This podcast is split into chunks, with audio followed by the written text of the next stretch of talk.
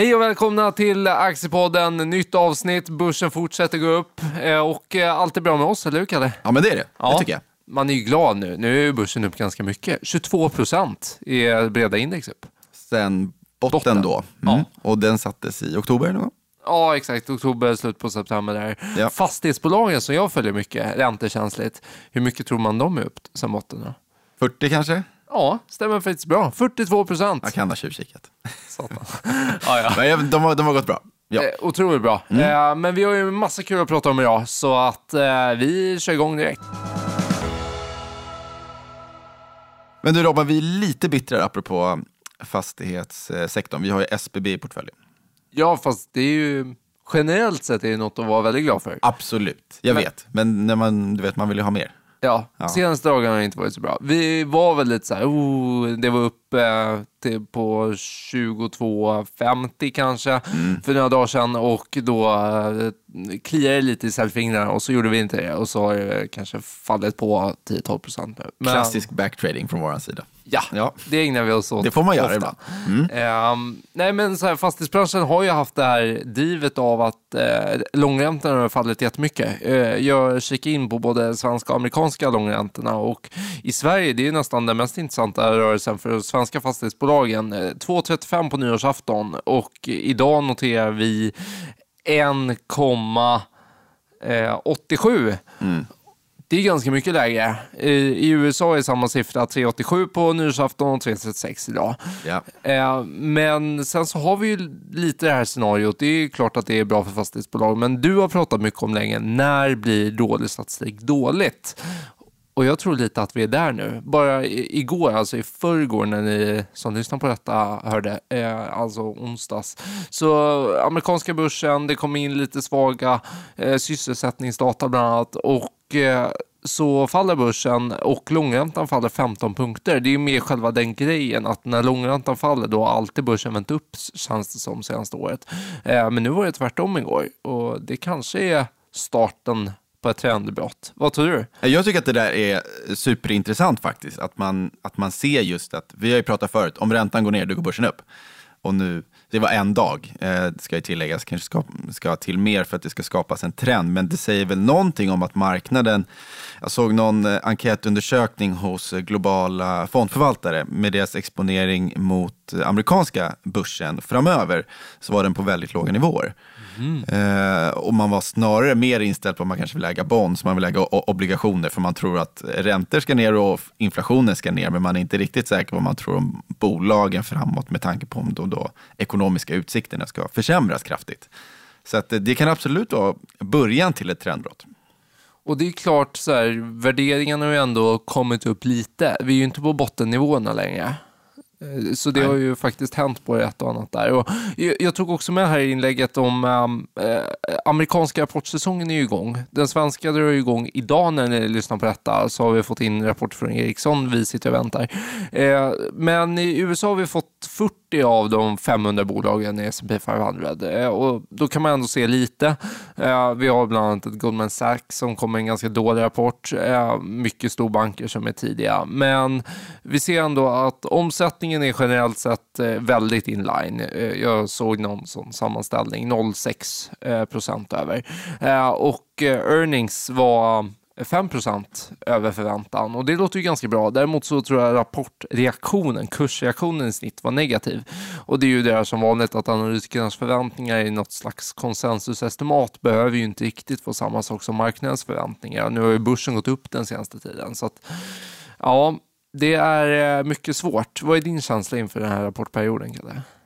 Ja, men eh, man kan säga, vår känsla inför rapportperioden avspeglas väl lite i, i dagens inlägg som, som ju precis har skrivits klart här på, på torsdagen. Där vi, där vi bland annat väljer att eh, halvera vårt innehav i Volvo, som ju är eh, portföljens näst största innehav. Det är nu inte näst största innehav längre. Och vi gör väl det lite för vi känner att eh, cykliskt har gått väldigt starkt. Och tittar man på värderingarna så har de ändå kommit upp, men, men någonstans så så är vi ändå inställda på att vinsterna ska ner och det baserar vi bland annat på svaga inköpschefssiffror både i USA och Sverige. Eh, vi vet att industriproduktionen, om man säger så här, ISM är en ledande indikator. Sen får man då hårddata i form av industriproduktion och den borde rimligen följa med ner och vi kan också vänta oss att bolagens eh, försäljning och därmed vinster ska ner också. Och då tycker vi väl att Volvo kanske ligger lite i farozonen i verkstadsklustret just för att man är väldigt känsliga för var makrodatan tar vägen på ett annat sätt än kanske Assa Abloy som vi har i portföljen som också är ett stort innehav men som vi känner oss lite tryggare med då de har en väldigt stor andel eftermarknad. Eh, och Volvo är också en tydlig eh, dollarvinnare. Dollarn har kommit ner 10% på tre månader.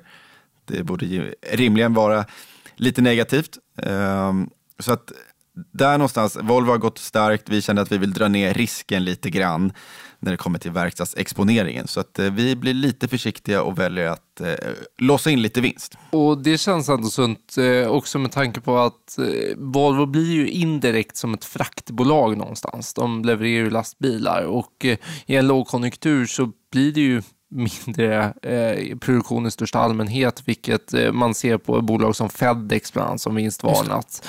Mm. Eh, lägre fraktbehov och eh, dessutom med Kina och det så här, många flyttar hem till produktion. Det borde vara ett lite mindre fraktbehov. Man ser de här stora eh, raterna på eh, sjöfrakt över eh, Stora haven och de är ju på riktigt låga nivåer nu. Och det är väl ändå någon slags hint om lågkonjunkturen kommer, eh, volymen minskar, kanske några färre som behöver en ny lastbil.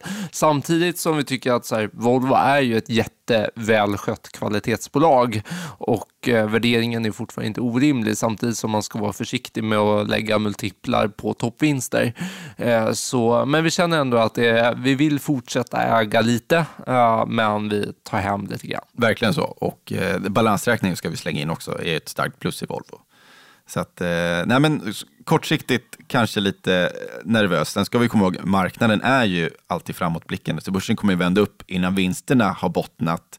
Så frågan är hur mycket vinsterna ska ner och när de vänder upp. Och det går inte att komma ifrån att marknaden är ganska övertygad om att Fed kommer sänka räntan 2023 och kommer fortsätta göra det ganska dramatiskt 2024. Och det är ju ändå positivt för konjunkturen på, på, på lite sikt. Och vi ser ju rätt mycket signaler nu på att inflationen är på väg ner på allvar. Eh, både löneinflationen och om du, det är väl hyror framförallt som håller upp eh, kärninflationen. Eh, men annars är det ganska kraftigt, energipriserna fortsätter ner. Så det finns ju också ett positivt scenario där kanske det värsta kommer nu, men som så blir lite bättre. Och det är frågan om när marknaden har sett förbi det här och hur grovt vinstfallet ska bli. Och Det är ju precis som du säger med att inflationen kom ner väldigt snabbt och snabbare än väntat ändå i flera eurozonen bland annat. Mm. Och Eh, där har vi ju det bra vädret som faktiskt påverkar en hel del. Eh, det ska bli jätteintressant att se januariinflationen när, när det börjar bli dags för den. För att eh, vi sa väl redan i förra podden om att det är jättevarmt i södra Europa. Och så här, vi sitter i mitten av januari, den snösäkraste tiden i Stockholm och det finns inte en snöflinga på utsidan. Så att det är ju verkligen en mild vinter, vilket vi är jätteglada för. Så det är klart att det hjälper oss lite att få ner inflationen, vilket vi ju verkligen behöver just nu. Ja, verkligen, och eh, just lagren av naturgas är, i Europa är ju faktiskt ovanligt höga för, för säsongen, så det hjälper ju. Men bara på temat USA och amerikansk konjunktur, innan, mm. innan vi släpper det, lite intressant så såg jag en graf där eh, Atlanta Fed, det finns ju flera Fed så, ute i landet som, som har en, eh, en modell för vad de tror om framtida tillväxten. Och det är ganska intressant, för konsensus de flesta alltså tror på nolltillväxt 2023. Eh, de här menar på 4 eh, för Q4. Jaha. Men det är ändå intressant. De är ganska betydligt mer positiva än många andra varit. Så att det kan ju vara så att prognoserna ska skruvas upp. Att man är för negativ kring ekonomin. Så jag bara slänger in den. Mm. Hängslen och livrem lite överallt i det man säger. Men det, det, är alltid, det är alltid ett stort pussel att lägga. Ja, ja men det är ju inte så lätt som uh, många vi får att tro. Nej. Men sammantaget, vi vill ta ner risken lite grann inför rapportperioden. Så kan man sammanfatta. Och för att ytterligare ta ner risken så säljer vi även Securitas den här veckan, eller hur? Just det. Och eh, Securitas de har varit med ganska länge i portföljen. Eh, början på oktober såg jag. Och eh, eh, det är ju verkligen den globala säkerhetsjätten. Det känns ganska stabilt på många sätt. Det är inflationsjustering, många långa kontrakt som de har. Eh, de har sin stabila 4-5 procents marginal som man förhoppningsvis hoppas kunna öka nu med det här förvärvet av den här Stanley eh, som ska vara väldigt duktiga på elektronisk säkerhet så att man inte behöver ha lika många väktare och så vidare. Men fortfarande kvarstår ju faktumet att det här är ingen kursbomb. Eh, det har gått 15 procent eh, på några månader nu. Eh, det är vi jätteglada för. Eh, och det, vi köpte ju lite precis här efter nyemissionen var klar som de gjorde för att kunna genomföra det här förvärvet. Och eh, vi tror inte på någon stor nedsida eller någonting sånt. Vi, vi tror på att rapporten kommer att vara stark, men vi har nog fått mycket av den kortsiktiga avkastningen nu tror vi. Vi vill dra ner risken lite inför rapportperioden. Eh, så att vi eh, säljer av. Eh, men vid ett stort nedställ så är ju inte inte jag i alla fall feg att kunna komma tillbaka. Nej, men då är vi två. Ja. Verkligen. Och varför, som du sa, just timingmässigt kände vi väl att det kanske blir lite en relief i aktien efter, den var så nedtryckt efter den här emissionen då. Och värderingen var låg, den är låg fortfarande. Vad pratar vi, P 8, 9? Ja, typ. sånt. Så att det är inte så fasligt dyrt för ändå ett bolag som bör kunna stå emot ganska bra och eh, kunna generera lite tillväxt och bättre marginaler. Ja, och för det är ju precis det. Topline-tillväxt ganska låg, men genom stärkta marginaler så kan det på sista raden bli ganska bra mm. under de närmaste åren. Så det är ju det vi eh, någonstans hoppas på där. Men ett fint bolag, men just nu så väljer vi att avvakta lite där. Eh, och men... vad gör vi då med kassan? Jo, men vi gör ju någonting. Mm. Vi köper ju. Mm. Det är alltid kul. Ja, men vi känner väl att vi vill inte så bäsiga är vi inte att vi vill ligga med jättestor kassaposition inför den här rapportperioden. Och då kände vi att investmentbolaget Lundbergs var ett bra alternativ. Och det här kanske, vågar man klassa det som det mest stabila investmentbolaget ja, i sfären? Det, det känns så här försiktigt verkligen. Ja, då är Holmen 20 procent. Det får man väl ändå säga försiktigt. Sen är 18 procent av de var 17 industrivärden, alltså det andra investmentbolaget. Mm. Det är Fredrik Lundberg som, som sitter vid rodret här. Eh, Indutrade 17 procent. Det är väl liksom det som känns eh, risky. mest risky. Så, ja. eh, så den, eh, det, det, får vi se. Men också sen, eh, fastighetssektorn har gått bra. Mm. Vi har fått relief där. Lundberg sitter på egna fastigheter som är 16,5 procent. Och väldigt försiktigt värderade fastigheter med ja. låg belåningsgrad. Och det är nice. Precis som huvudstaden som också har väldigt låg belåning som då är 11 procent av den här portföljen. Så att det är typiskt Lundberg, det är försiktigt, det, det är stabilt, det är ordning och reda. Och då känner väl vi att eh, den kan få utgöra en ganska stor del av portföljen mm. nu. Så 7,5 procent. Oj, oj, oj. denna portföljen. Nu smäller det. Ja. Uh, ja, men och lite Handelsbanken och lite så det, det, känns ju som att hela intrycket av portföljen är att Lundberg har genomlevt både en och två finanskriser förut. Och uh, om det skulle bli tufft så kommer han klara sig och stå starkt på andra sidan även denna gången. Uh, så att det är väl vårt intryck till portföljen ja. och plocka in. Så lite mer defensivt eh, kan vi väl ändå säga. Portföljen blev aningen mer defensiv efter det här eh, på marginalen. Ja, men verkligen. Men med det sagt, som sagt, vi närmar oss den här rapportperioden som verkligen drar igång nu. Vi har jättemycket spännande att se fram emot. Eh, I portföljen så har jag sammanställt lite av ett eh, kalendarium för vår portfölj. Och vi kanske framförallt två dagar som sticker ut som också är väldigt intressanta. Dels har vi redan den 2 februari. Eh, då hittar vi eh, flera rapporter. Vi hittar Kinnevik. Det ska bli spännande att se med lite lägre räntor. Blir det verkligen så stora eh, nedskrivningar? vi har Evo som har gått starkt som tusan. Mm. vi har Loomis som ett ganska nytt innehav där vi tror väl ändå på att det ska kunna stå sig ganska stabilt. Jag känner mig väldigt trygg med en bra Q4 där. Jag vet inte varför. Ja, bra, bra magkänsla. Bra magkänsla, mm. den är viktigast. Mm. Och Europris. Eh, mm. Och där har jag en bra magkänsla, så vi får, får vi se. Mm. Och sen så har vi även lite rapporter den 23 i andra. Då har vi tre rapporter i form av Lundberg. Det känns stabilt, lite försiktigt. Och sen så har vi två lite mer high risk-spelare i portföljen, vilket såklart också kan bli intressant i form av Truecaller och SBB.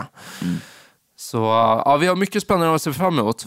Om du får välja någon rapport som du känner så här, det här är bland det viktigaste att bevaka. För, för vår portföljs skull menar du då? Ja. Eh, ja, men det, det måste ju ändå vara core, känner jag. Eftersom vi då sålde aktien innan deras Q3, aktien gick ner var 25 procent, 30 procent.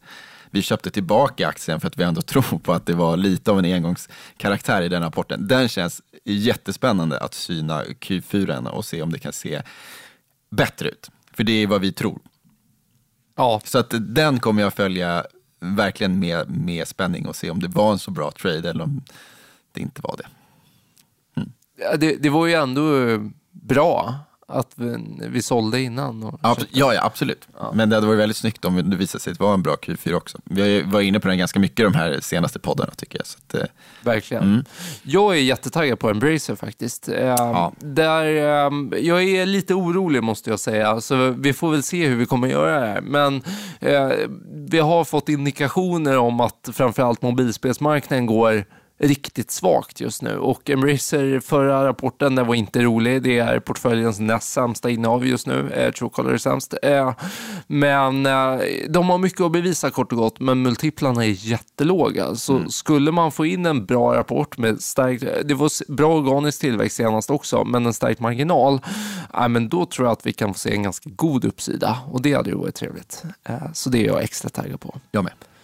Men eh, med det, Kalle, eh, så är det väl dags att eh, vi ger oss in i rapportfloden och lyssnarna får ju följa med oss genom, det kan ju komma några extra inlägg under rapportperioden. Det kan ju följa oss hela tiden på aktiespararna.se. Men om inte vi hörs innan så är det om två veckor igen. Ja, och jag vill verkligen slänga med då att ja, vi har ju mandat att göra förändringar, inte bara på torsdagar, det har vi flaggat för, att vi kan göra förändringar även på andra dagar. Så att nu under en intensiv rapportperiod så kan det ju vara så. Och det bästa sättet att följa vad vi gör är ju då via Messenger. Just Messenger-verktyget. Facebooks Messenger-tjänst och så signar man upp sig på Aktiespararna där. Då får man våra inlägg i realtid.